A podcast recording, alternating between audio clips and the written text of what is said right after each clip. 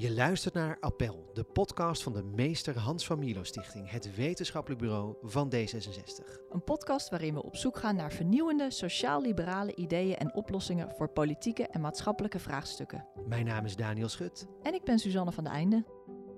Uh, en mensen met hoge politieke onvrede die uh, willen graag iets veranderen aan het systeem wat we nu hebben. En die zijn dus dan in onze onderzoeken zowel voorstander van, vaker voorstander van een burgerforum, maar ook veel vaker voorstander van een referendum. Ja. Omdat zij eigenlijk die politici willen dwingen om te luisteren. Over de verkiezingsuitslag van 22 november is al veel gezegd. Een van de terugkerende verklaringen voor de grote winst van de PVV is het lage vertrouwen in en het onvoldoende functioneren van de overheid en ons huidige democratische systeem. De afstand tussen burgers en politiek is te groot, de politiek luistert te weinig naar burgers en toont te weinig daadkracht, zo blijkt uit meerdere onderzoeken. Burgerfora worden steeds populairder als middel om burgers en politiek nader tot elkaar te brengen. Een burgerforum, burgerpanel of burgerberaad is een geloten groep mensen die zich buigt over oplossingen voor een politiek vraagstuk. Vlak voor de val van het kabinet stemde de Tweede Kamer zelf in met een nationaal burgerforum over klimaat en energie. In deze eerste aflevering van Appel van 2024 praten we met twee deskundigen over burgerfora. Politicoloog Lisa van Dijk promoveerde onlangs aan de Katholieke Universiteit Leuven op een onderzoek naar de kansen en risico's van burgerfora kunnen deze wellicht de vertrouwenskloof tussen politiek en burgers dichten. En politicoloog Josje de Ridder doet bij het Sociaal en Cultureel Planbureau onderzoek naar de publieke opinie over democratie en politiek. Van harte welkom beiden. Josje zit eh, aan tafel in de studio, Lisa belt in vanuit België. Lisa, jij hebt je vijf jaar lang verdiept uh, voor je proefschrift in wat jij in je proefschrift mini-publieken noemt. Um, dus eerst even een terminologische vraag. Is dat nou hetzelfde als een burgerforum? Zijn het nou echt exact inwisselbare termen? Uh, ja en nee. Dus een mini-publiek wordt vaak in de Engelse literatuur gebruikt als een soort overkoepelende term. In de intro hadden we het over burgerpanels, burgerberaden, burgerfora. Dus zo zijn er een hele lijst aan, aan specifieke type mini-publieken. Uh, okay, en daar, dus zijn, daar zijn verschillen tussen. Ja, ja, ja. ja. Zo, het een heeft een, heeft een uh, deelnemersaantal van een paar honderd, de ander bestaat uit maar een tiental mensen. Dus zo zijn daar nuanceverschillen. Ja, oké, helder. Hey, en waar komt je interesse in het onderwerp vandaan? Eigenlijk uh, ben ik aan het begin van mijn doctoraat, van mijn proefschrift, um, naar een aantal, aantal burgerberaden geweest. En wat ik daar zag waren torenhoge verwachtingen van politici en beleidsmakers. Het burgerberaad dat ging de kloof dichten, dat ging het vertrouwen herstellen, dat zou een oplossing bieden voor hele complexe problemen. Maar in de academische literatuur merkte ik dat dat onderzoek naar die burgerberaden eigenlijk pas in de beginfase zich bevond. Het ging veelal over deelnemers en er was weinig bekend om, over de resultaten of de effect op het bredere publiek, terwijl dat juist zo belangrijk is. En dat onderzoek in over dat bredere publiek, dat, dat ging ervan uit dat een, dat een mini-publiek of zo'n burgerberaad eigenlijk een, een ideaal is, een, een perfect middel. Terwijl we weten dat ze vinden niet plaats in een vacuüm, ze vinden plaats in een complex en een uitdagende context. De realiteit die is verre van perfect. Dus ik vroeg me echt af, ja, wat betekent dit nou voor die rol van burgerberaden in onze democratie? Kunnen ze die torenhoge verwachtingen inlossen? En in mijn proefschrift heb ik geprobeerd om een, om een reality check daarvan te doen. En echt te zeggen, oké, wat kunnen burgerberaden betekenen voor onze democratie? Oké, wat was heel in het kort, en de, de, rest van de podcast gaat er ook over, maar heel in het kort, wat was de conclusie? Kunnen ze die verwachtingen waarmaken, ja of nee? Nee, die torenhoge ah. verwachtingen niet. Het gaat geen oplossing zijn, het gaat geen tovermiddel zijn, maar ze kunnen wel bijdragen aan het verhelpen van een gebrek aan, aan legitimiteit. Oké, dus het, het is niet zomaar categorisch voor of tegen. Want dat hoor je vaak in deze discussie, hè? dat mensen zeggen, moet het wel of niet doen. Maar eigenlijk geef je aan ja, van, ja, ja, ja. Ja, dat is voor mij ook een heel belangrijk verschil. Van, is er een effect van een burgerberaad? Ja, maar dat betekent niet dat het een relevant effect is of een groot effect. En die, dat verschil is heel belangrijk. Oké, ja, mooi. Josje, ehm, afgelopen jaar publiceerden jullie bij het uh, eh, SCP een onderzoek naar de vraag wat burgers zelf nou eigenlijk vinden van burgerfora. En uh, dat perspectief dat bleef, bleek onderbelicht te zijn eigenlijk. Wat burgers, dat las ik in ieder geval in jullie onderzoek. Dat vond ik echt wel um, opmerkelijk. Dat in een onderzoek naar burgerfora, dat wat mensen daar zelf, dat het als doel heeft om burgers meer te betrekken, dat wat zij daar zelf nou eigenlijk van vinden, dat dat perspectief vaak onderbelicht uh, blijft. Wat waren jullie belangrijkste conclusies in dat uh, onderzoek? Nou, er is, ik moet wel zeggen, zeker sindsdien ook wel steeds meer literatuur, ook het proefschrift van Lisa, wat daar, wat daar wel naar kijkt, uh, ook internationaal. voor Nederland was dat er toen, voor zover ik weet, niet. Dus er is wel veel onderzoek naar burgerfora en ook wel G1000 en het effect op deelnemers en wat deelnemers ervan vinden, dus evaluaties. Maar bij mijn weten was er niet onderzoek naar wat het brede publiek in Nederland ervan vindt. Een van de problemen daarbij is dat mensen ook niet weten wat een burgerforum is. Uh, dus dat hebben we hen ook uitgelegd. En we weten ook dat hoe je zoiets uitlegt ook invloed heeft op de antwoorden. Dus dat is altijd wel iets wat ik erbij vertel. We hebben gevraagd naar wat mensen vinden van het idee van een burgerforum.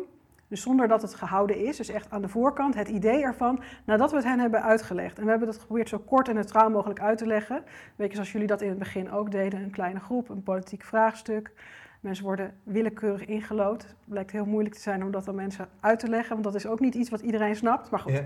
nou, dan zagen we dat, uh, dat ongeveer, uh, ja, dat er een, een, kleine meerderheid, of, of ik weet het niet eens, 56 procent volgens mij, uh, het, dat idee van een burgerforum op zich een goed idee vindt. Uh, er is iets meer steun voor een burgerforum op lokaal niveau dan op landelijk niveau, maar er is dus zeg maar nou ja, een, een meerderheid, een kleine meerderheid, voor zo'n idee van een burgerforum. Um, de, je zegt op zich een goed idee. Um, de, de, in hoeverre is het dan? Er zijn op zich namelijk heel veel goede ideeën. Een miljoen winnen, dat is op zich ook een goed idee. Ja, wat we, wat we wilden weten, dus je, je stelt zo'n vraag, maar je weet ook omdat een burgerforum niet zo bekend is, ja, uh, dat zo'n zo'n getal, ja, dat, als ik het anders vraag, dan komt er 50% uit 70%. Uh, ja. Ja. Dus, dus zeg maar, ik bedoel, met zo'n getal, dat moet je niet voor absoluteren. En wat we ook hebben gedaan in dat onderzoek, is gevraagd waarom mensen het een goed idee vinden.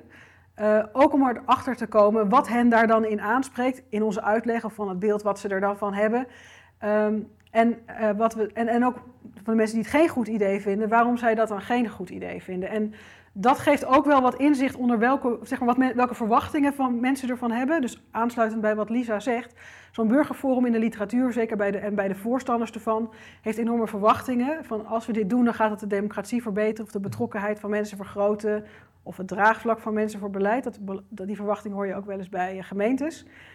Uh, maar het is wel belangrijk om te weten welke verwachting burgers er ook van hebben, om te weten of het die verwachting voor ja, hen kan, uh, kan inlossen. Ja. En dan is het nog de vraag of als ze daadwerkelijk ingelood zouden worden voor een burgerforum, of, of ze dan inderdaad ook mee zouden willen doen en er dan ook nog positief tegenover staan. Ja, dat laatste, kijk, of ze mee zouden doen, weten we niet. Maar we hebben in dat onderzoek ook gevraagd naar de participatiebereidheid bij een ja. burgerforum. Uh, volgens mij hebben we het gevraagd voor klimaat en immigratie en twee wat minder actuele onderwerpen, iets over democratische vernieuwing. Ja. En we zien dat de steun voor een burgerforum veel groter is dan de participatiebereidheid. En dat er ook wel mensen zijn die het idee wel steunen, maar die niet zelf uh, eraan mee willen doen. En daar gelden weer andere argumenten voor. Nou, misschien kunnen we het daar ook nog over hebben. Maar dus steun voor het idee en er aan meedoen als het, of er aan mee willen doen hypothetisch en er aan meedoen als het feitelijk zo, dat je die brief op de mat krijgt, dat zijn echt ook wel verschillende dingen. Ja. Waarom ligt dat zo uiteen eigenlijk? Waarom loopt dat uiteen? Nou, steun voor een idee is gewoon van, vind je het een goed idee dat het wordt gehouden? Dat is een soort algemene ja. houding. Je weet nog niet precies, in ons geval, we hebben het ook wel gevraagd voor specifieke issues, maar je weet nog niet waarover het gaat, in wat voor context het is. Dus het is echt een beetje het idee ben je bereid eraan mee te doen? Het vraagt wel wat aan mensen. Dat, uh, dus je moet, een aantal keren, je moet een aantal keren daarheen. Dan zie je dat een aantal mensen afhaakt. Er zijn trouwens ook mensen die het geen goed idee vinden, maar wel mee zouden doen. Omdat ze dan denken, ja, als ik word uitgenodigd en ingelood, dan is het een plicht. Uh, maar er zijn dus uh, mensen die zeggen van, ik vind het op zich wel een goed idee, maar over dit thema, daar heb ik geen verstand van of ik heb geen tijd. Tijd is een hele belangrijke factor. En uit evaluaties van bijvoorbeeld G1000 blijkt ook wel dat een gebrek aan interesse, gebrek aan zelfvertrouwen, dus in, dat je het vertrouwen hebt dat je een bijdrage kan leveren, en een gebrek aan tijd een hele belangrijke kwestie is. Okay. En misschien een soort van uh, persoonlijk verhaal. Dus mijn man was ingelood voor een burgerforum in Leiden. En toen bleek uit die brief dat hij zeven zaterdagen vrij moest maken daarvoor. En toen dacht ik vooral van, oké, dus dat betekent dan dat Ja. ik zeven zaterdagen het huishouden moet doen en voor de kinderen moet zorgen en dat Ja. hij er niet is. Dus hij mocht van mij al niet eens Oh, niet gaan. eens gaan, nee. ja. Dus het is, het, het- Ja. in de praktijk, ook al ben je best wel welwillend, vraagt, het vraagt gewoon best wel veel. Dat Ja. is inderdaad een Vandaar hele dat, eh, dat steun, bereidheid en daadwerkelijk meedoen echt Ja. verschillende Ja. dingen zijn. Ja. La- Laten we het over die praktische implicaties straks ook nog in detail hebben. Over het hoe dan precies, als je het zou willen inrichten. Eh, eerst nog even, Josje, je gaf aan, dus er zijn hele hoge verwachtingen zijn daarvan. Even checken met Lisa ook, want dat, dat heb jij mede ook onderzocht in jouw onderzoek, als ik het goed begrijp. Eh, mede onderzocht in hoeverre bijvoorbeeld burgerfora de legitimiteit van politiek onder burgers kunnen verhogen. Ehm, legitimiteit, wat is dat? En, en draagt het echt bij aan verhoging daarvan, die burgerfora? Ja, ja, dus beginnen bij legitimiteit. Legitimiteit is een, is een, ik vind dat een heel complex begrip. Waar het voor mij op neerkomt, is dat, dat mensen ehm, om een beslissing die de overheid maakt, zoals meer belasting betalen, te volgen. En daar niet tegenin te gaan, daar niet tegen te protesteren. De eerste is inhoudelijk, namelijk je bent het ermee eens. Je bent voor die belastingverhoging. Een tweede is, de overheid dwingt je ertoe. Je krijgt torenhoge boetes of, of andere sancties als jij je er niet aan houdt. En de derde is legitimiteit. Dat houdt in dat je de regering in die mate vertrouwt om goede beslissingen te nemen, dat je vrijwillig zegt, ik volg die belastingverhoging. Ik ga meer belasting betalen, want ik vertrouw erop dat de regering het juiste doet. En, en dat is dus in principe, Lisa, eh, ongeacht of je dan zelf als burger het eens bent met die beslissing. Ja, ja, maar het is vooral nodig als je het oneens bent. Dus als je iets Ja. tegen je zin in doet. Ja, helder. Eh, dus, en we weten gewoon dat politieke beslissingen, er gaan altijd voor- en tegenstanders zijn. Er gaan altijd mensen die het daarmee oneens zijn. Maar om het systeem te laten functioneren is het zo belangrijk dat die verliezers, zoals we die noemen, dat die mee zijn. Dat die het oké vinden. Net als bij verkiezingen is eigenlijk dezelfde dynamiek aan de gang. Mensen vertrouwen erop dat de ki- verkiezingen op een eerlijke manier hebben plaatsgevonden. En daarom, ook al hebben ze verloren, gaan ze niet de straat op, zoals we in de VS hebben gezien bij de bestorming van het Capitool. Ja, ja. Ehm, en kan, kan een burgerberaad dat verhogen? Eh, eigenlijk wel. Dus wat we zien is als we onderzoek doen naar, naar dat bredere publiek en we vertellen aan hen: oké, er is een kleine groep burgers samengekomen. Eh, we leggen hen uit wat een burgerberaad is. Omdat, zoals Josje al aangaf, dat eigenlijk helemaal niet zo bekend. Eh, en daar is deze beslissing uitgekomen. En we vergelijken dat met een soort status quo. Dus stel, politici nemen dezelfde beslissing. Wat we dan zien is dat burgers meer geneigd zijn om dat specifieke besluitvormingsproces en de uitkomst te aanvaarden. De legitimiteit van dat proces en die uitkomst is hoger. Maar dat betekent niet dat na één keer burgers een gat in de lucht springen over de overheid. Dat betekent niet dat het vertrouwen in de politiek is hersteld of dat daar ineens ja, een, een verschuiving plaatsvindt. Ja. Dat zijn kleine effecten, maar ze zijn er wel degelijk. Want het is misschien ook wel goed om te- even te kijken naar wat nou die oorzaken zijn hè, van afnemende legitimiteit. Ehm, want dat kan natuurlijk enerzijds komen door het democratische proces dat onvoldoende vertrouwd wordt, of doordat de uitkomsten van het proces niet eh, eh, ja, eh, on- ongewenst zijn, zeg maar. Josje, kan jij daar misschien wat over zeggen? Over dat, dat, eh, de oorzaken van dat gebrek aan legitimiteit? Ehm, ja, ik heb het dan liever over oorzaken voor het gebrek aan vertrouwen. Ik denk dat, dat ik. Ja, ik weet niet of ik, of ik zeg maar zou zeggen dat. Ik, ik, de- ik deel de definitie van legitimiteit hè, die, eh, die Lisa geeft.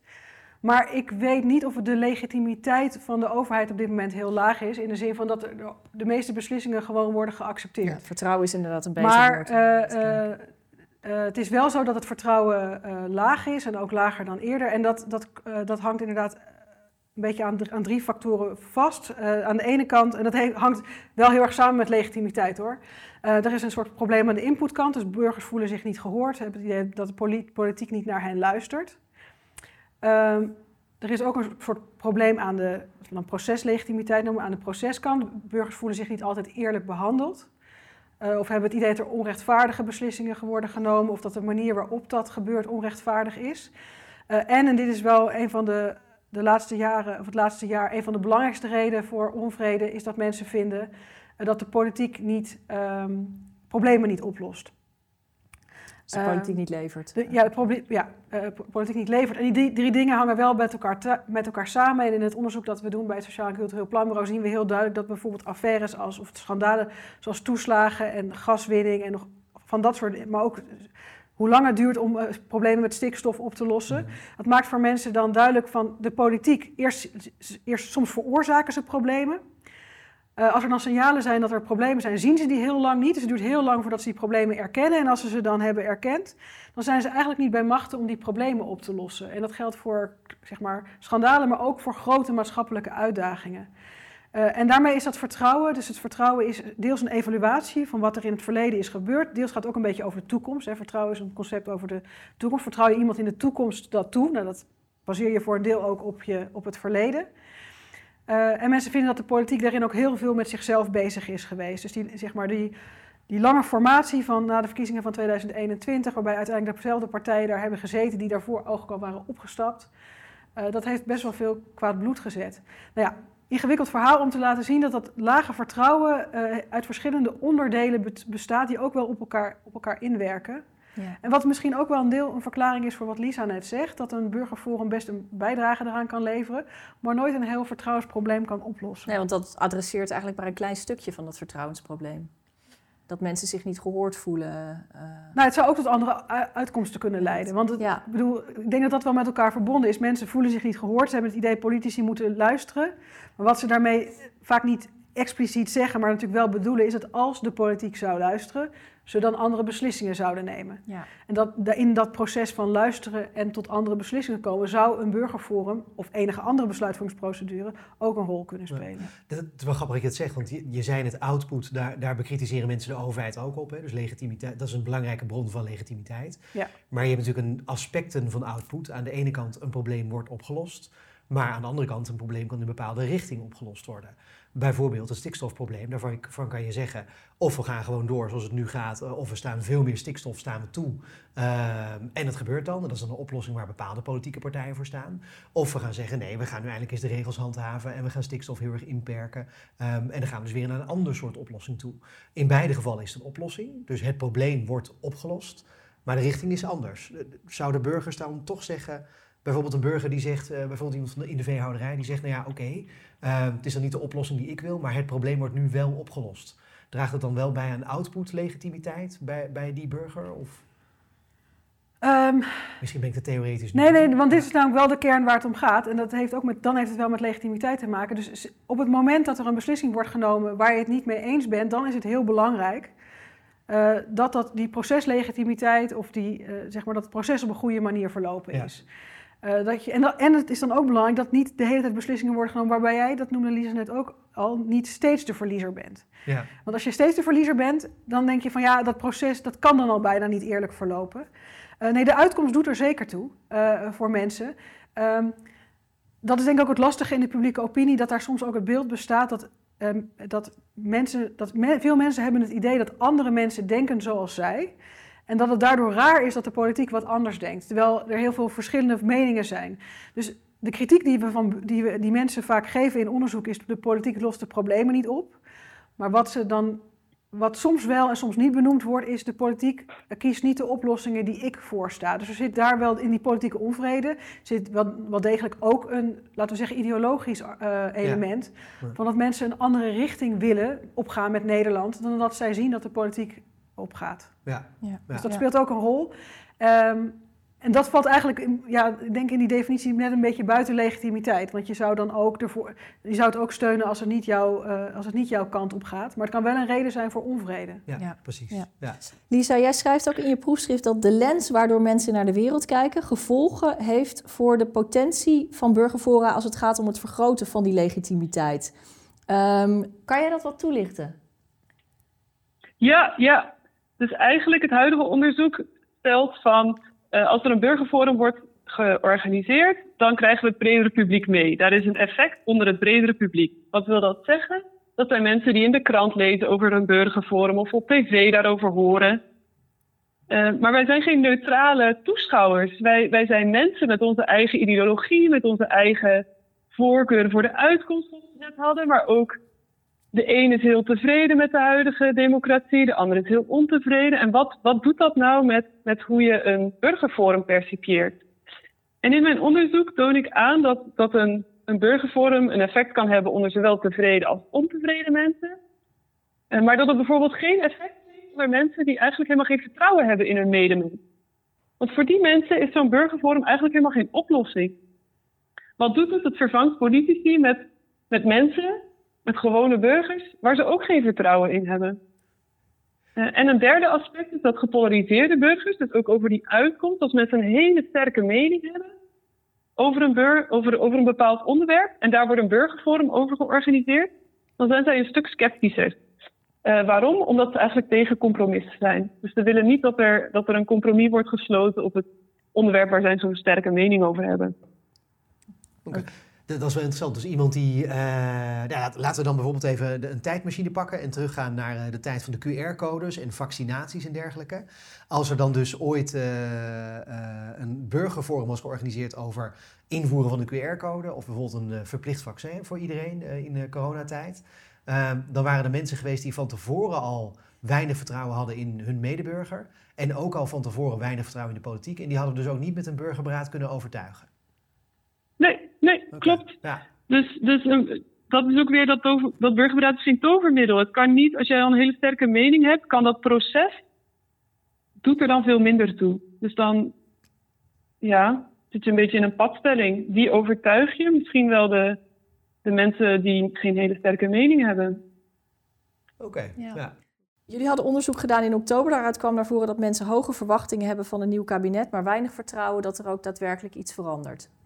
Um, sowieso vond ik dat een opmerkelijk onderzoek, want dat, of een opmerkelijke uitkomst. Want dat zegt eigenlijk van ja, wat er ook verandert, wat er ook gebeurt, het gaat, het gaat toch niet be ja. beter worden.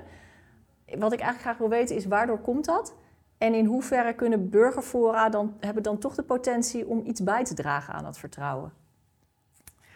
Um, nou, misschien eerst even over dat, uh, dat onderzoek in oktober en die, en die uh, soort van paradox, ja, misschien paradoxale uitkomst dat mensen hoge verwachtingen hebben en lage verwachtingen tegelijkertijd. Ja. Dus uh, wat we zien is dat mensen laag, aan de ene kant laag vertrouwen hebben in de politiek. Dus ze vinden de politiek lost de problemen niet op. Dat hebben ze de afgelopen jaren niet gedaan. Ja, dus wat kun je dan verwachten? Zullen ze dat dan na de verkiezingen wel gaan doen? Die problemen blijven, van de politici zijn onveranderlijk. Dus in die zin is dat vertrouwen ook in de toekomst laag. Tegelijkertijd, en dit is ook helemaal niet nieuw, weten we dat mensen hele hoge verwachtingen hebben van de nationale politiek om de problemen op te lossen. Dus uh, het is ook omdat je, kijk, in interpersoonlijke relaties zou dat anders zijn. Als ik geen vertrouwen meer in jou heb, omdat jij keer op keer mij hebt belazerd, dan heb ik ook geen verwachting meer van jou op een gegeven moment. En dan ga ik hem gewoon naar je buurman. Maar je kan je niet aan de nationale overheid onttrekken. En de nationale overheid is ook heel belangrijk. Het wordt gezien als de belangrijkste bestuurslaag door Nederlanders. Uh, beleid van de nationale overheid, en dat heeft denk ik ook de coronapandemie la wel laten zien, kan enorm ingrijpen in je leven, zelfs bleek toen tot achter de voordeur. Mm -hmm. Dus de verwachting van mensen van de nationale overheid om problemen op te lossen is enorm. Dus dat is die hoge verwachting, maar tegelijkertijd ook de verwachting van ja, maar gaan ze dat nu echt doen? Volgens mij betekent dat trouwens niet dat er dan nooit iets kan verwachten van veranderen. Het vertrouwen, dat, is, dat is best be bewegelijk, dat verandert niet zo snel. Um, maar het is wel een momentopname. Dus het zou best kunnen zijn dat, dat, dat als je dat later meet, dat mensen die wel weer wat hogere verwachtingen hebben. En eigenlijk is dat ook wel wat je, even, even meer een algemeen verhaal, wat je in het verleden zag en wat je trouwens nu ook ziet. Dus er zijn hele grote verschillen tussen burgers in, in vertrouwen in de politiek. Uh, bijvoorbeeld aanhangers van de PVV hadden ontzettend laag vertrouwen. Uh, in de, in ook omdat hun partij sinds 2010, eh, toen gedoogden ze, maar nooit mocht meedoen. Ze voelden zich buitengesloten. Zij voelden zich keer op keer verliezers. En dat begon ook een beetje aan hun steun voor de democratie te knagen. Um, wat we weten in 2010 is dat na de vorming van het gedoogkabinet, dus waar de PVV gedoogde, het vertrouwen onder uh, PVV-kiezers enorm is gestegen. Uh, en cijfers van het Nationaal Kiezersonderzoek van dit jaar uh, laten zien dat het ook na de verkiezingen het vertrouwen van PVV-kiezers al is gestegen. Het was in 2010 niet, toen zagen we dat effect echt pas bij de vorming van een kabinet. Yeah. Dus het is niet zo dat er per definitie nooit iets kan veranderen aan het vertrouwen, ook niet bij subgroepen. Het feit dat jouw partij meedoet en invloed heeft, kan best, en hoe lang dat effect is, is maar de vraag, maar kan best um, zorgen voor fluctuaties in dat vertrouwen. Dus het is niet zo dat het vertrouwen totaal niet te herstellen is of niet, of niet met iets meebeweegt. Ehm, dan terug naar het burgerforum. Ehm, kijk, we hadden het net over de, de, de grote veelheid aan oorzaken en misschien ook wel terechte oorzaken voor het feit dat het vertrouwen in de politiek op dit moment laag is. Ehm, en dat zijn zoveel oorzaken dat er nooit één instrument is dat dat op kan lossen. Dus het, niet het burgerforum, uh, maar ook niet allerlei andere maatregelen die zijn genomen. Uh, bijvoorbeeld zoals weet je, de wet open overheid, dat we meer transparant moeten zijn. Er worden allerlei maatregelen genomen om het vertrouwen te herstellen. Nou, al die maatregelen aan zich kunnen dat vertrouwen nooit herstellen, althans niet meetbaar. Uh, maar we weten wel dat goed bestuur en een goede, goed overheid, een goede democratie in totaal wel bijdraagt aan hoger vertrouwen in de politiek. En, eh, en ook trouwens aan, de, aan een hogere levenstevredenheid van mensen. Dat weten wij uit internationaal onderzoek. Dus uh, er zijn soms best wel goede redenen om bepaalde eh, hervormingen door te voeren of dingen te doen. Omdat ze betere resultaten opleveren, omdat ze zorgen aan een beter proces. Dus, dus in die zin, het feit dat het niet direct meetbaar leidt tot meer vertrouwen, wil niet per definitie zeggen dat je iets, niet, niet iets zou moeten doen met een instrument. Um, waarmee ik overigens niet wil zeggen dat het burgerforum, dat ik dat onder alle omstandigheden een goed, uh, per se een goed idee vind. Of de enige democratische innovatie die je zou kunnen doorvoeren ja. om de werking van de representatieve democratie te verbeteren. Maar volgens mij, dan hou ik op met praten hoor, zou je, nee, is, een goed verhaal, is het startpunt dan niet per se vertrouwen, maar het startpunt is hoe functioneert de Nederlandse democratie? Wat gaat daar goed en wat gaat daar minder goed? Uh, we weten dat daar dingen minder goed in gaan, bijvoorbeeld vertegenwoordiging van bepaalde groepen. Er is een ervaren afstand tussen burgers en politiek, mensen voelen zich niet gehoord. En wat zijn nou instrumenten die de, de representatieve democratie zouden kunnen aanvullen uh, om die problemen op te lossen? En op zich heeft de staatscommissie Remkes daar in 2018 een heel uitvoerig rapport over geschreven, waarin overigens ook iets gezegd is over het burgerforum onder bepaalde voorwoorden, maar ook over andere democratische instrumenten, zoals bijvoorbeeld het referendum. Ja. Ja. ja. precies. Ik las trouwens dat aanhangers van de PVV over het algemeen voorstander zijn van een burgerforum. Ja, maar aanhangers van de PVV zijn ook uh, voorstanders bijvoorbeeld van een referendum. En dat is misschien iets waar we het ook nog wel over kunnen hebben, uh, ook naar aanleiding van Lisa's proefschrift, uh, waar we net een beetje goed snel overheen stapten. Zeg maar, wie zijn nou die voorstanders van het burgerforum en tegenstanders? En wat zegt dat ook over de redenen waarom mensen voor of tegen zijn? En ook, dan kom je ook een beetje terug van die, bij die verwachtingen. En specifiek over die PVV'ers, en dat geldt overigens niet alleen over PVV's, maar ook breder, zien we dat een van de redenen die wij ook in ons onderzoek terugzagen om voor het burgerforum te zijn, is dat mensen het idee hebben, wat ik net al zei, dat er te weinig naar, naar gewone Nederlanders of naar mensen wordt geluisterd en dat een burgerforum een middel zou zijn om de opvattingen, wensen en ervaringen van gewone mensen in te brengen in, de, in het politieke debat. En dus eigenlijk een correctie op die politiek die niet functioneert. Uh, en dat kan deels een principieel argument zijn. Hè? Het is goed in een democratie om mensen te horen, maar het komt voor veel mensen ook voort uit politieke onvrede.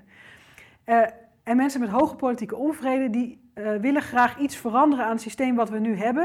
En die zijn dus dan in onze onderzoeken zowel voorstander van, vaker voorstander van een burgerforum, maar ook veel vaker voorstander van een referendum. Mm, ja. Omdat zij eigenlijk die politici willen dwingen om te luisteren. Ja. En, daar, en, en, en als je het hebt over meer luisteren, uh, gaat het dan over de input, de throughput of de output legitimiteit? Als ze dat vragen, als mensen zeggen van dat is een manier om meer te luisteren, is dat... Of alle drie? Ja, kijk, mensen bekijken het natuurlijk niet zo. Kijk, ik heb zelf dus, wat ik net al zei, het idee dat mensen beginnen aan... mensen meer, meer mensen zouden gehoord moeten worden, omdat politici niet luisteren. Dat lijkt een beetje een input-argument. Maar wel impliciet van dan zouden er ook andere, dan zouden we tot andere beslissingen komen. Ja, precies. Dus die drie elementen zitten er denk ik ook wel allebei in. Eh. Lisa. Ja, om daarop in te haken. Ik denk dat we dan direct op het risico van een burgerberaad stuiten. Dus uit onderzoek weten we van oké, okay, uh, het brede publiek ziet die mensen die deelnemen in een burgerberaad als mensen zoals ik. Dus ondanks dat mensen niet direct zelf deelnemen, voelen ze zich toch gehoord. Dus daar is een soort indirecte ja, manier van luisteren is zo'n burgerberaad. Um, maar als we dan naar die output kijken, komen we bij dat risico. Want wat ik me heel erg afvraag, we weten dat in de bestaande representatieve democratie zijn hoog opgeleide mensen en mensen met een hoog inkomen zijn oververtegenwoordigd. Maar we zien een beetje eenzelfde tendens bij burgerberaden. Dus ondanks die loting, zoals Josje al zei, is niet iedereen even bereid om deel te nemen. Sommige mensen hebben geen tijd, sommige mensen hebben politieke redenen. Maar wat we daar zien is dat, dat het nog steeds die hoogopgeleide, geïnteresseerde burger is die ja, die veel vaker wil deelnemen, die daar veel vaker bereid toe is en ook veel vaker dus een plekje aan die tafel bemachtigt. Dus wat ik me afvraag is, is zijn die uitkomsten van burgerberaden fundamenteel anders? Of is, bestaat er een kans dat we de uitkomsten van de burgerberaden nog altijd zijn afgestemd op die hoogopgeleide burgers met een hoog inkomen, die geprivilegeerde groep in onze samenleving? Okay. Ik vraag me af, kan zo'n burgerberaad echt een tegenwicht bieden? En, en, en beantwoord die vraag is, want je, je zegt dus eigenlijk, um, uh, ze kunnen tot andere uitkomsten leiden, maar al, is dat echt wel zo, dat ze tot andere uitkomsten leiden? Ja, dat is de vraag. Ja, heb je dat onderzocht? Weet je daar iets van? Nee, nee, helaas. en uh, ook in de internationale literatuur weten we er eigenlijk nog maar heel erg weinig van. Wat we wel weten is dat de adviezen van een burgerberaad vaker niet dan wel worden opgevolgd door de politiek. En dat oh. dat dan vaak de adviezen zijn die, uh, die, de adviezen die wel worden opgevolgd, zijn vaak al ja, in lijn met bestaande plannen. Dus ja, daar zien we toch wel een tendens naar een soort ja, gelijkenis in wat, wat er uit een burgerberaad komt misschien, maar zeker wat daarvan wordt meegenomen later. Maar je zou ook kunnen zeggen vanuit een soort, uh, ja, een soort Kantiaans perspectief bijna, dat politieke problemen blijkbaar dus maar gewoon een bepaalde set oplossingen eigenlijk hebben. En dat of het nou representatieve democratie is of een burgerberaad, dat dat is waar ze op uitkomen. Uh, dat is natuurlijk ook heel moeilijk te onderzoeken, want als er een burgerberaad plaatsvindt, dan komt daar een bepaald iets uit. Maar we weten niet wat eruit zou komen. Stel dat de politiek zou beslissen in eerste instantie. Dus die vergelijking kunnen we eigenlijk nooit trekken. Ja. Ja. En zeker niet met de beperkte mate waarin burgerberaden vandaag de dag nog plaatsvinden. Ja, we zien er steeds meer, maar dat betekent niet dat het een heel wijdverbreid fenomeen is. Lisa, heb jij ook onderzocht waarom de resultaten van, of de uitkomsten van burgerberaden vaker niet dan wel worden overgenomen? Nee, dat uh, heb ik niet gedaan. Uh, maar we weten wel uit ander onderzoek dat daar vaak een strategische reden achter zit. Dus er zijn heel veel zorgen over de intentie van de overheid om eigenlijk zo'n burgerberaad te organiseren. Is dat, is dat willen ze oprecht luisteren naar de burger? Willen ze laten zien dat ze betrouwbaar zijn? Of is dat heel strategisch? Willen ze eigenlijk ja, hun draagvlak creëren voor de eigen politieke agenda, hun eigen plannen doordrukken? En dat, ja, dat weten we niet zo goed. Uh, maar wat we wel weten is dat indien de regering dat doet, indien de regering een burgerberaad organiseert en vervolgens zegt, nou, deze aanbevelingen uh, volgen we niet op, dan hebben ze eigenlijk een averecht effect. Dan wordt het tekort aan legitimiteit alleen maar groter. Burgers worden dan nog ontevredener dan dat ze al waren. Of dan wanneer de politiek eigenlijk zelf de beslissing zou nemen uh, zonder de inbreng van burgers. Dat klinkt ook wel logisch. Dat klinkt heel erg logisch, inderdaad. Eh, als ik uh, tegen mijn kinderen zeg: jullie mogen verzinnen wat we dit weekend gaan doen. En ze verzinnen wat. En ik zeg: nou, nee, dat mag niet. Dan zijn ze heel teleurgesteld. En dat snap ik ook heel erg dan op dat moment. Als je mensen de vrijheid geeft om ergens over na te denken. En dan vervolgens ga je, zeg je expliciet: dat gaan we dus expliciet niet doen. Dan, uh, dan is de teleurstelling voorspelbaar heel groot. Ja. Heel logisch. En toch gebeurt het keer op keer op keer. Ja, ja, volgens mij uit evaluaties, uh, voor zover ik die ken van, van G1000 en, en van dit soort uh, instrumenten, uh, weten we dat de politieke inbedding, of de, zeg maar de inbedding in de representatieve democratie, heel belangrijk is voor, voor het, voor het succes. Of zeg maar of het wordt overgenomen. Ja. En of het een positief effect op burgers kan hebben. Um, dus dan kom je ook weer terug op, je hebt, je hebt, voor, je hebt een aantal voorwaarden waaronder een burgerforum kan slagen. We hadden het net al over, van de, de, de belofte is dat er een, een representatieve groep wordt ingelood. Dat vinden burgers ook heel belangrijk, zien we in onderzoek. Dus, dus dat is een van de, de argumenten is, het zou een goed idee zijn omdat je verschillende ervaringen hoort. Of, of het is veel inclusiever, de mensen die normaal niet worden gehoord en mensen zonder een vooropgezet politiek plan komen daarin. Dan moet dat in de praktijk ook wel zo zijn. En dat zei Lisa al, we weten dat het in de praktijk niet zo is. Dus dat is al een voorwaarde waarin je je af kan vragen van gaat die, uh, gaat die uh, nagegaan worden. Ja. Tweede is van wat wordt er met zo'n burgerforum gedaan?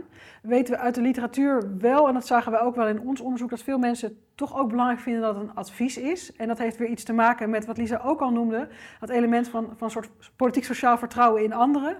Dus mensen zijn ook wel sceptisch over de competenties van medeburgers om eraan mee te doen. Uh, hoger opgeleiden zijn daar volgens mij iets uh, sceptischer over dan, uh, dan, dan anderen. Ze wantrouwen, oh, niet, ze wantrouwen niet alleen de politiek, maar ook hun medemensen. Nou, niet, of sommige mensen, wantrouwen, niet, sommige mensen wantrouwen meer de medemens dan, de, dan politici, omdat die politici ook wat meer op hen lijken. Ja. Um, um, maar goed, je moet dus, je, je moet nou, misschien nog even terug. Dus iedereen, er moeten mensen aan tafel zitten. In het proces moeten die ook gelijk meedoen. Want dat is een ander, iets anders wat we zien. Dat mensen zich ook uh, zorgen maken dat de grootste schreeuwers dan de grootste mond de, de, het meeste zeggen hebben. Dus nou, dat weten we ook uit allerlei literatuur, dat hoe belangrijk het proces zelf is. Dus dat moet dan ook goed verlopen. Dus, dat niet, dus niet iedereen, dus moet representatief zijn en het proces moet inclusief zijn. En dan vervolgens komt daar iets uit. Um, en dan moeten politici daar iets mee doen. En als dat, als dat onvoldoende gebeurt, dan kan dat dus het vertrouwen ook uh, verminderen. Hm. Maar, mensen, maar een grote groep mensen vinden het wel, vinden niet dat ze het klakkeloos hoeven overnemen. Vinden het belangrijk dat het een advies is of dat het wordt meegewogen in, de, in die besluitvorming. Um, maar goed, het ligt ook aan heel wat voor type burgerberaad je hebt, wat eruit komt. Is dat een, is dat een advies? Is dat een, uh, uh, zeg maar, is het een heel duidelijk advies? Of is, zitten daar keuzes in die de politiek kan maken? Maar dat hele proces moet moet ingebed zijn in het representatieve proces. Dus de, er moet draagvlak zijn bij het gemeentebestuur en de gemeenteraad, of zoals nu in de, bij het Landelijk Burgerforum Klimaat, draagvlak zijn bij zowel de Tweede Kamer als bij de regering. Want als er iets uitkomt, dan moet je daar in ieder geval serieus over praten en elementen daarvan meenemen of het advies heel serieus meewegen. Ja. Anders heeft, het, anders heeft het helemaal geen zin om het te doen. Ja, dus je zegt het hoeft niet per se 100% overgenomen te worden. Het hangt ook af van wat de uitkomst is. Maar het is altijd een hele serieuze boodschap wat eruit komt. Ja, ja. Maar de mensen denken daar ook wel verschillend over hoor. Van, sommige mensen zeggen ja, je moet dat dan volgen. En andere mensen zeggen ja, het moet vooral een advies zijn. Want ze vinden het dan ook omdat ze medeburgers of dat proces toch niet helemaal vertrouwen. Belangrijk dat politici nog een soort afweging maken in het algemeen belang. Is het niet ook vooral van, belangrijk, van belang dat van tevoren duidelijk wordt gemaakt wat ermee wordt gedaan? Dus dat de overheid van tevoren duidelijk maakt van uh, we gaan het volledig overnemen of we zullen het niet volledig overnemen, maar dit en dat om aan verwachtingsmanagement te doen. Het is ook heel vaak de vraag van wat willen burgers dan wat, wat er met dat advies gebeurt, ongeacht of ze vinden dat het bindend of adviserend moet zijn. Dus in de academische literatuur zijn er ook heel veel argumenten, normatieve argumenten, om zo'n burgerberaad niet bindend te laten zijn. Want die mensen in een burgerberaad zijn niet verkozen en ze hoeven geen verantwoording af te leggen voor wat ze hebben beslist. Dus in mijn proefschrift heb ik ook gevraagd van mensen: oké, stel er wordt een adviserend burgerforum georganiseerd. Wat moet er dan mee gebeuren? En zoals Josje ook al aangaf, mensen willen vooral dat er geluisterd wordt. Maar dat betekent niet dat het direct moet worden overgenomen. Dus slechts 50% zegt nee, het moet direct worden, worden geïmplementeerd. Maar 80% zegt nee, de overheid moet het op zijn minst overwegen. En moet um, redenen geven waarom het het wel of niet volgt. Dus die, die representatieve legitimiteit, die laag daarbovenop, ook burgers vinden die heel erg belangrijk. Ja.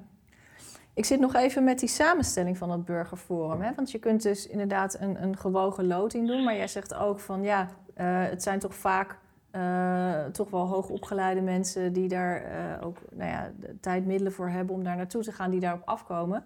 Hoe krijg je die groep dan echt representatief? Ja, dat is een hele goede vraag. Dus wat je zegt in gewogen loting, dat wordt vaak geadviseerd. Dus dat je bepaalde groepen waarvan je weet dat ze minder goed meedoen, dat je die eigenlijk oversampelt ja. uh, om ze er voldoende in te krijgen. Um, ik kan me ook voorstellen dat, want een van de redenen waarom mensen niet meedoen, is een soort van gebrek aan politiek zelfvertrouwen ook. dus dat ze het gevoel hebben van ik weet niks van dit onderwerp, ik, ik durf me niet te uiten. Dus het is allemaal heel talig en je moet je zeg maar en plein publiek moet je, je uitspreken, daar zijn mensen bang voor. Uh, dus je moet mensen aan de voorkant wel ook echt het vertrouwen geven en duidelijk maken van uh, je hoeft niks te weten. We willen van iedere Nederlander iets, iets horen en ook uh, je hoeft niet en plein publiek te praten. En volgens mij, ik weet heel weinig over het feitelijk organiseren daarvan. Maar er zijn allerlei methodes. Dus die wie de moderatoren zijn, hoe zij zijn opgeleid is heel belangrijk. Maar er zijn ook allerlei gesprekstechnieken en methodes waarbij je niet zeg maar voor 150 mensen hoeft te oreren om daar toch aan mee te doen. Maar mensen moeten dat wel van tevoren weten. Ja. Maar ik denk dat uh, zeg maar ook tijd, dus de tijd, de tijd ervoor kunnen en willen vrijmaken om dat, om dat te doen gewoon een hele belangrijke, belangrijk element is. Want die zeven zaterdagen, dat is natuurlijk voor heel veel mensen een obstakel. Nou ja, kijk, voor sommige mensen is, is uh, geld een probleem. Hè? Dus dan, die kan je misschien over de streep trekken met een, met een vergoeding. En hier was trouwens ook een vergoeding bij. Maar uh, ja, moet ik, hoe moet ik het zeggen? Om zonder meteen heel uh, arrogant te klinken. Maar voor sommige mensen, kijk, 200 euro, dat maakt dan voor sommige mensen weinig uit. Ja. Dan is tijd is iets heel kostbaars. Wat je niet met, zeg maar, zeven zaterdagen, kan je niet met 200, ik krijg die tijd nooit meer terug. Dus er zijn allerlei manieren met kinderopvang en zo. Maar ja, uiteindelijk vraag je behoorlijk veel van mensen. En volgens mij hebben we gewoon nog niet de heilige graal. Trouwens, voor elke vorm van politieke participatie, dus dit geldt uh, voor elke vorm van intensieve politieke participatie, geldt dat dat ongelijk is.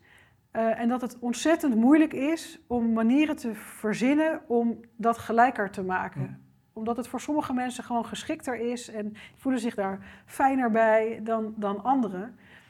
Um, dat is misschien wel een groot voordeel van representatieve democratie. Dat je dan gewoon stemt, kost weinig tijd. En dan... Uh, nou, daar, zijn die, daar is die ongelijkheid ook. Ja. Maar omdat de opkomst bijvoorbeeld in Nederland bij de Tweede Kamerverkiezingen hoog is, is die ongelijkheid minder ja. dan bij intensievere vormen van participatie. Ja, precies. Uh, en in die, dat vind ik ook wel een hele grote waarde van de, van, van de representatieve democratie. En dat zou bijvoorbeeld ook een reden kunnen zijn uh, om bijvoorbeeld wel naar referenda ook te kijken. Dus ik ben betrokken bij een project naar uh, democratische innovaties, waarin eigenlijk wordt gekeken naar de combinatie tussen burgerfora en referenda. Want we weten dat er nadelen zijn aan burgerfora. We weten ook dat er nadelen zijn aan referenda. Nou, dat het vaak, het hoeft niet per se, maar dat het vaak ja-nee beslissingen zijn. Maar zijn er nou uh, elementen waarbij we dus die mini-publieken, die kleine groep mensen waar deliberatie en overleg centraal staan, en uh, instrumenten waarbij ik gaat stemmen, waarbij je de hele, alle burgers erbij betrekt, dat je, dat je die kan combineren om zo toch het beste van twee werelden te combineren. Nou, is ook maar de vraag, hè, want het blijft intensief en zo. Maar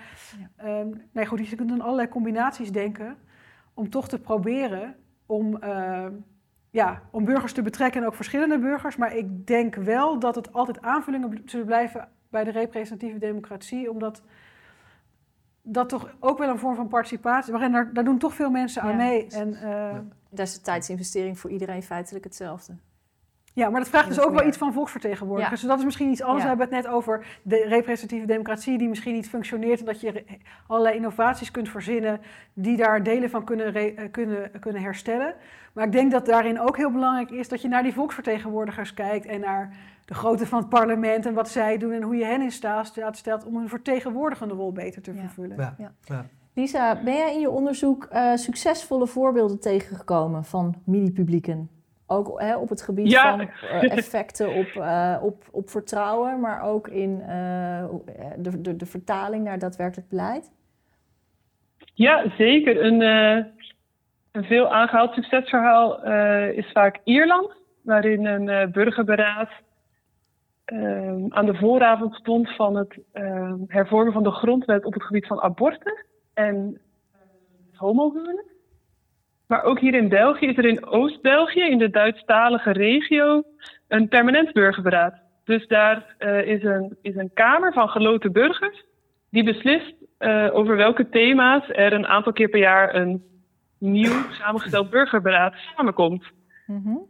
um, Desalniettemin zijn er ook natuurlijk heel veel voorbeelden van burgerberaden die niet zo goed gaan. Maar die krijgen veel minder aandacht en veel minder publiciteit. Maar kan je aangeven, wat is, wat is het geheim van dat uh, succesvolle burgerforum in Oost-België? Wat maakte dat succesvol? Uh, in Oost-België hebben ze sowieso een, een, lange traditie van participatie. Dat is maar een hele kleine gemeenschap. Uh, heel veel mensen kennen elkaar. En voor, voor mij, wat het daar succesvol maakt, is dat het is afgestemd op het, op het probleem dat ze daar zagen. Dus, dus een burgerberaad werkt voor mij heel goed als het, als het is afgestemd op het probleem dat we zien. Is het probleem uh, efficiëntie in de overheid? Dan vraag ik me af, een burgerberaad vertraagt het proces. Is het probleem, zoals Josje ook al aangaf, dat mensen, niet dat mensen het gevoel hebben dat de politiek niet luistert?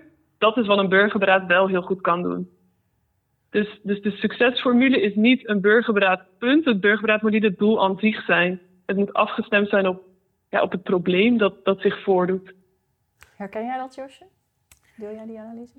Uh, nee, ja, zeker. Ja, ik zit even te graven in mijn, uh, in mijn hoofd. Want er zijn ook voor het ministerie van BZK wel mooie essays geschreven door Ank Michels en Frank Hendricks en Christophe Jacobs over het burgerforum. Uh, en onder welke omstandigheden dat succes kan hebben. En dat gaat bijvoorbeeld ook over type onderwerp dat je kiest. Dus het moet afgebakend zijn, er moet wel echte invloed mogelijk zijn. Dus dat sluit hier wel bij aan. Het is niet dat onder alle omstandigheden een burgerforum een succes kan zijn. Maar misschien kunnen we ook kijken, Lisa, want je zei ook, ja, je bent natuurlijk ook voorbeelden tegengekomen van burgerfora die minder succesvol waren. Kun je een voorbeeld noemen en ook wat de reden was voor het uh, uitblijven van succes? Ja, dus uh, eigenlijk de keerzijde van een, van een succesvol burgerforum. Voor mij is dat niet te veel succes als, de, als het burgerberaad wordt georganiseerd. Puur en alleen omdat, omdat het een trend is, omdat het veel gebeurt, omdat we het ergens anders zien gebeuren. Terwijl zo'n burgerberaad kan heel innovatief zijn. Zo in, in Frankrijk is een burgerberaad geweest over klimaatverandering. En, welke, en daar hebben we gezien dat burgers over hun eigen schaduw kunnen springen. En als er dan werd gevraagd aan het bredere publiek: zijn jullie het eens met deze ingrijpende maatregelen voor ja, klimaatverandering tegen te gaan? Dan waren ze het ermee eens. En toch was er niet genoeg politiek raak, draagvlak om die maatregelen daadwerkelijk uh, door te voeren. Dus daar stopte het eigenlijk aan het einde van het burgerberaad. En dat is voor mij, dat vind ik zo zonde. Want daarna zouden eigenlijk, het zou eigenlijk pas het startpunt moeten zijn van een dialoog tussen de burgers en de politiek. Om te zien wat gaan we dan doen met die adviezen van dat burgerberaad. Zou het beter werken op lokaal niveau, waar inderdaad net zoals in Oost-België de gemeenschappen elkaar beter kennen, meer de, de problemen misschien wat wat dichter bij huis zijn letterlijk of wat meer afgebakend? Nou ja, daar, staat dan tegenover dat Ierse voorbeeld, waarbij je over een ethische kwestie. Kijk, het voordeel daarvan is dat het geen technische kwestie is. Dus is een, abortus is een onderwerp waar iedereen vanuit zijn soort van levensinstelling en levensbeschouwing een mening heeft. Uh, zonder dat je hele technische kennis hebt over hoe klimaat en techniek en innovatie, hoe dat eruit ziet. Dus je kunt daar iets van vinden en je kunt daar met anderen over praten op een soort, het is een menselijk onderwerp. Dus er wordt ook wel gezegd, je moet dat doen, dus dan, dat is op landelijk niveau. Dus je moet dat doen over onderwerpen waarover mensen, zeg maar waardegeladen onderwerpen, waarover je gewoon met elkaar kan praten van mens tot mens, zonder dat er hele, zeg maar, enorme experts, expertkennis nodig is. Zoals een stikstofdebat, waarbij je het moet hebben over stikstofdepositiewaardes en verspreiding van stikstof. Dat is, dat is te technisch voor mensen. Dat is, uh... ja, ik snap er zelf ook niks van. Dus, ja. Nou ja, kijk, het idee natuurlijk in een, in een burgervorm krijgen mensen ook de mogelijkheid om experts te raadplegen en die kennis op te doen, zodat je wel een level playing field hebt. Maar waarschijnlijk hele technische dingen, of dingen waar echt al heel erg is voorgesorteerd, omdat er geen, er is geen ruimte meer om keuzes te maken, dan lenen die onderwerpen zich daar, zich daar minder goed voor. Maar het is dus, bedoel, er zijn heel veel voorbeelden op lokaal niveau, maar je hebt dus ook een succesvol voorbeeld op, op een landelijk niveau met een onderwerp dat zich daar wel toe, uh, toe leende. Ja. En, en hoe, hoe staan jullie tegenover het Nationaal Burgerforum over klimaat en energie, waar de Tweede Kamer mee heeft ingestemd? Dat was een week voordat uh, het kabinet viel, ja. overigens. ja. Goed idee? Ja, ja, misschien in het algemeen. Wat ik, uh, want we hebben, wat ik lastig vind in Nederland, als het gaat over democratische innovaties, is dat het altijd, altijd het wiel wordt opnieuw uitgevonden. Dus eerst hebben we, we hadden een referendumwet, dan zijn er een paar referenda, daar zijn dan slechte ervaringen mee, dan is het weer weg. Um, dit is niet het eerste burgerforum. Er was in 2006 een burgerforum kiesstelsel. Dat is ook heel uitgebreid geëvalueerd. Er is heel weinig mee gedaan. Um, dus in we hebben in Nederland een beetje de neiging om dan...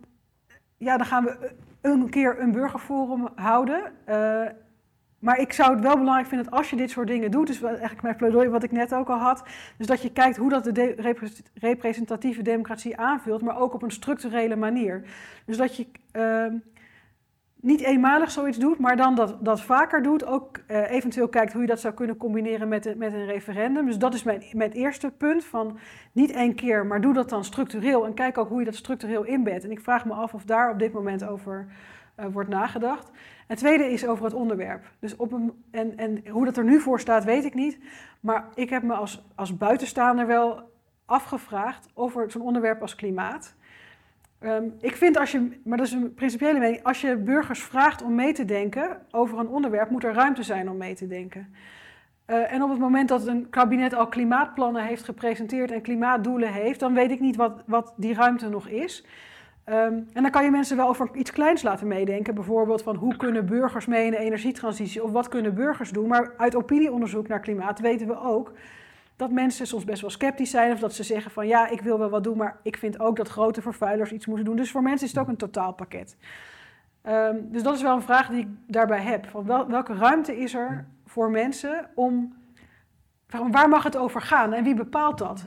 En dan is het, heeft het de potentie om een heel erg top-down proces te worden, waarbij eigenlijk de kaders van bovenaf worden vastgesteld en er voor het burgerforum zelf of voor mensen zelf geen ruimte is om, meer te om hun agenda te bepalen. Ja. En ik zou het zelf mooi vinden, als je dat dan doet, dat je ook ruimte hebt om ergens over mee te praten. Dat die ruimte er ook politiek is. Um, ja. Lisa. Ja, want de vraag is natuurlijk ook, dat stel je bakent het heel erg af. En dat, uh, dat geeft, geeft enerzijds een realistisch beeld voor, voor burgers van hier mag ik over meebeslissen. Maar de vraag is ook, gaan burgers zich dan gehoord voelen? Of zeggen ze dan, ja, we hebben zo'n klein stukje gekregen, de overheid vertrouwt ons nog steeds niet. We worden nog, er wordt nog steeds niet naar ons geluisterd. Dat is een heel groot risico bij dat afbakenen. En, en wat ik me afvraag bij het Burgerforum voor Klimaat is. We weten dat er torenhoge verwachtingen bestaan en daarbij de neiging om zoiets te vergelijken met het ideaal. En alles wat afwijkt van het ideaal is dan een reden om te zeggen: we doen het niet meer, dit, dit werkt niet. Terwijl ik zou zeggen dat er parameters moeten komen. Wanneer vinden we dit een succes en wanneer niet? Wat, aan welke voorwaarden moet het voldoen om het nog een keertje te organiseren? Oké. En dus niet meteen zeggen van het is niet, het, het, het, is niet perfect geweest. Het heeft niet de, de hoge verwachtingen waargemaakt. Dus dan moeten we het niet meer doen. Nee, nee, want als we altijd een democratische innovatie gaan vergelijken met het ideaal, dan kunnen we nooit innoveren, denk ik. Terwijl voor mij is een belangrijke parameter: kan het de democratie beter laten functioneren dan dat het vandaag doet? Ja. En in hoeverre dan? Dus jouw advies aan de nieuwe, de nieuwe regering straks zou misschien zijn: uh, uh, verwacht niet te veel van een burgerforum?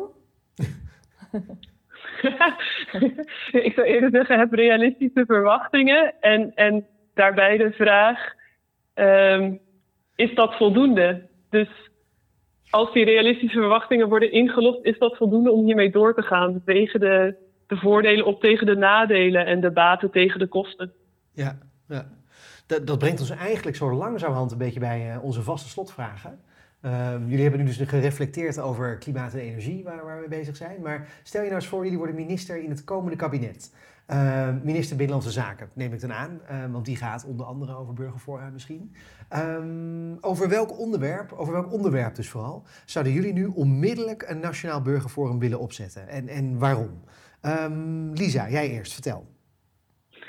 Ja, ik zou eigenlijk al eerder een burgerberaad willen opzetten over de regeringsformatie. Ja, ah. kijk, uh, oh, vertel. Want zo'n ja, zo'n regeringsformatie, dat, dat is inherent staat dat aan, dat staat voor mij gelijk aan raakvlakken zoeken, uit verschillen uitklaren, compromissen sluiten, kijken waar is de ruimte om elkaar tegemoet te komen, waar houden mensen ja, aan vast, waar willen ze niet op. Oh, dat vind ik een heel leuk idee. Op, een compromis sluiten. En dat is juist wat zo'n burgerforum goed kan. Met elkaar in gesprek. Uh, die, die, die verbinding zoeken, maar ook je verschillen uh, niet verlogenen. Dus ik zou een burgerforum organiseren over de regeringsformatie en kijken als een soort advies van waar is de onderhandelruimte voor burgers en wat is een no-go voor hen. Mooi. Wat een geweldig idee. We gaan het uh, aan Ronald Plasterk vertellen, ik denk doe ik. onmiddellijk mee uh, als ik erin Dat is heel grappig. Ja. heel goed. Ja. Josje. Josje. Nee, ik kan er trouwens heel veel verzinnen. Maar een, van de, een van de grote uitdagingen... Zeg, we hebben het over alle crisis van de afgelopen tijden wonen, asiel, stikstof, klimaat. Uh, en een van die crisissen die heel weinig aandacht heeft gekregen in de, in de, in de campagne. Uh, en die er heel groot aankomt, is, is de toekomst van de gezondheidszorg. En dat is een thema wat uh, heel moeilijk te adresseren is, omdat burgers het ook een moeilijk thema vinden, want de zorg is al zo duur en we vinden het zo belangrijk. Het is echt een grote uitdaging voor de toekomst. En er zijn trouwens op provinciaal niveau ook al wel trouwens, als we het dan toch over burgerberaden hebben, ook wel pogingen gedaan om daar met burgerfora, met burgers over te praten, over hoe moet die zorg er dan in de toekomst uitzien. Maar ik denk dat het belangrijk is dat er een soort maatschappelijke discussie komt, politiek en met het publiek, over de toekomst van de zorg en de moeilijke keuzes die we daar willen maken. En het lijkt alsof niemand die keuzes wil benoemen en wil bespreken. En ik denk dat we alle mogelijke innovaties en middelen uit de kast zouden moeten trekken. Om te kijken of het lukt om daar met elkaar over in gesprek te gaan. Ja, ja heel. Mooi. Dankjewel. onderwerp. Hartelijk dank Lisa van Dijk en Josje de Ridder. En jij, luisteraar, bedankt weer voor het luisteren. Vergeet niet je te abonneren op Appel, dan staat er over twee weken weer een nieuwe aflevering voor je klaar. Tot dan!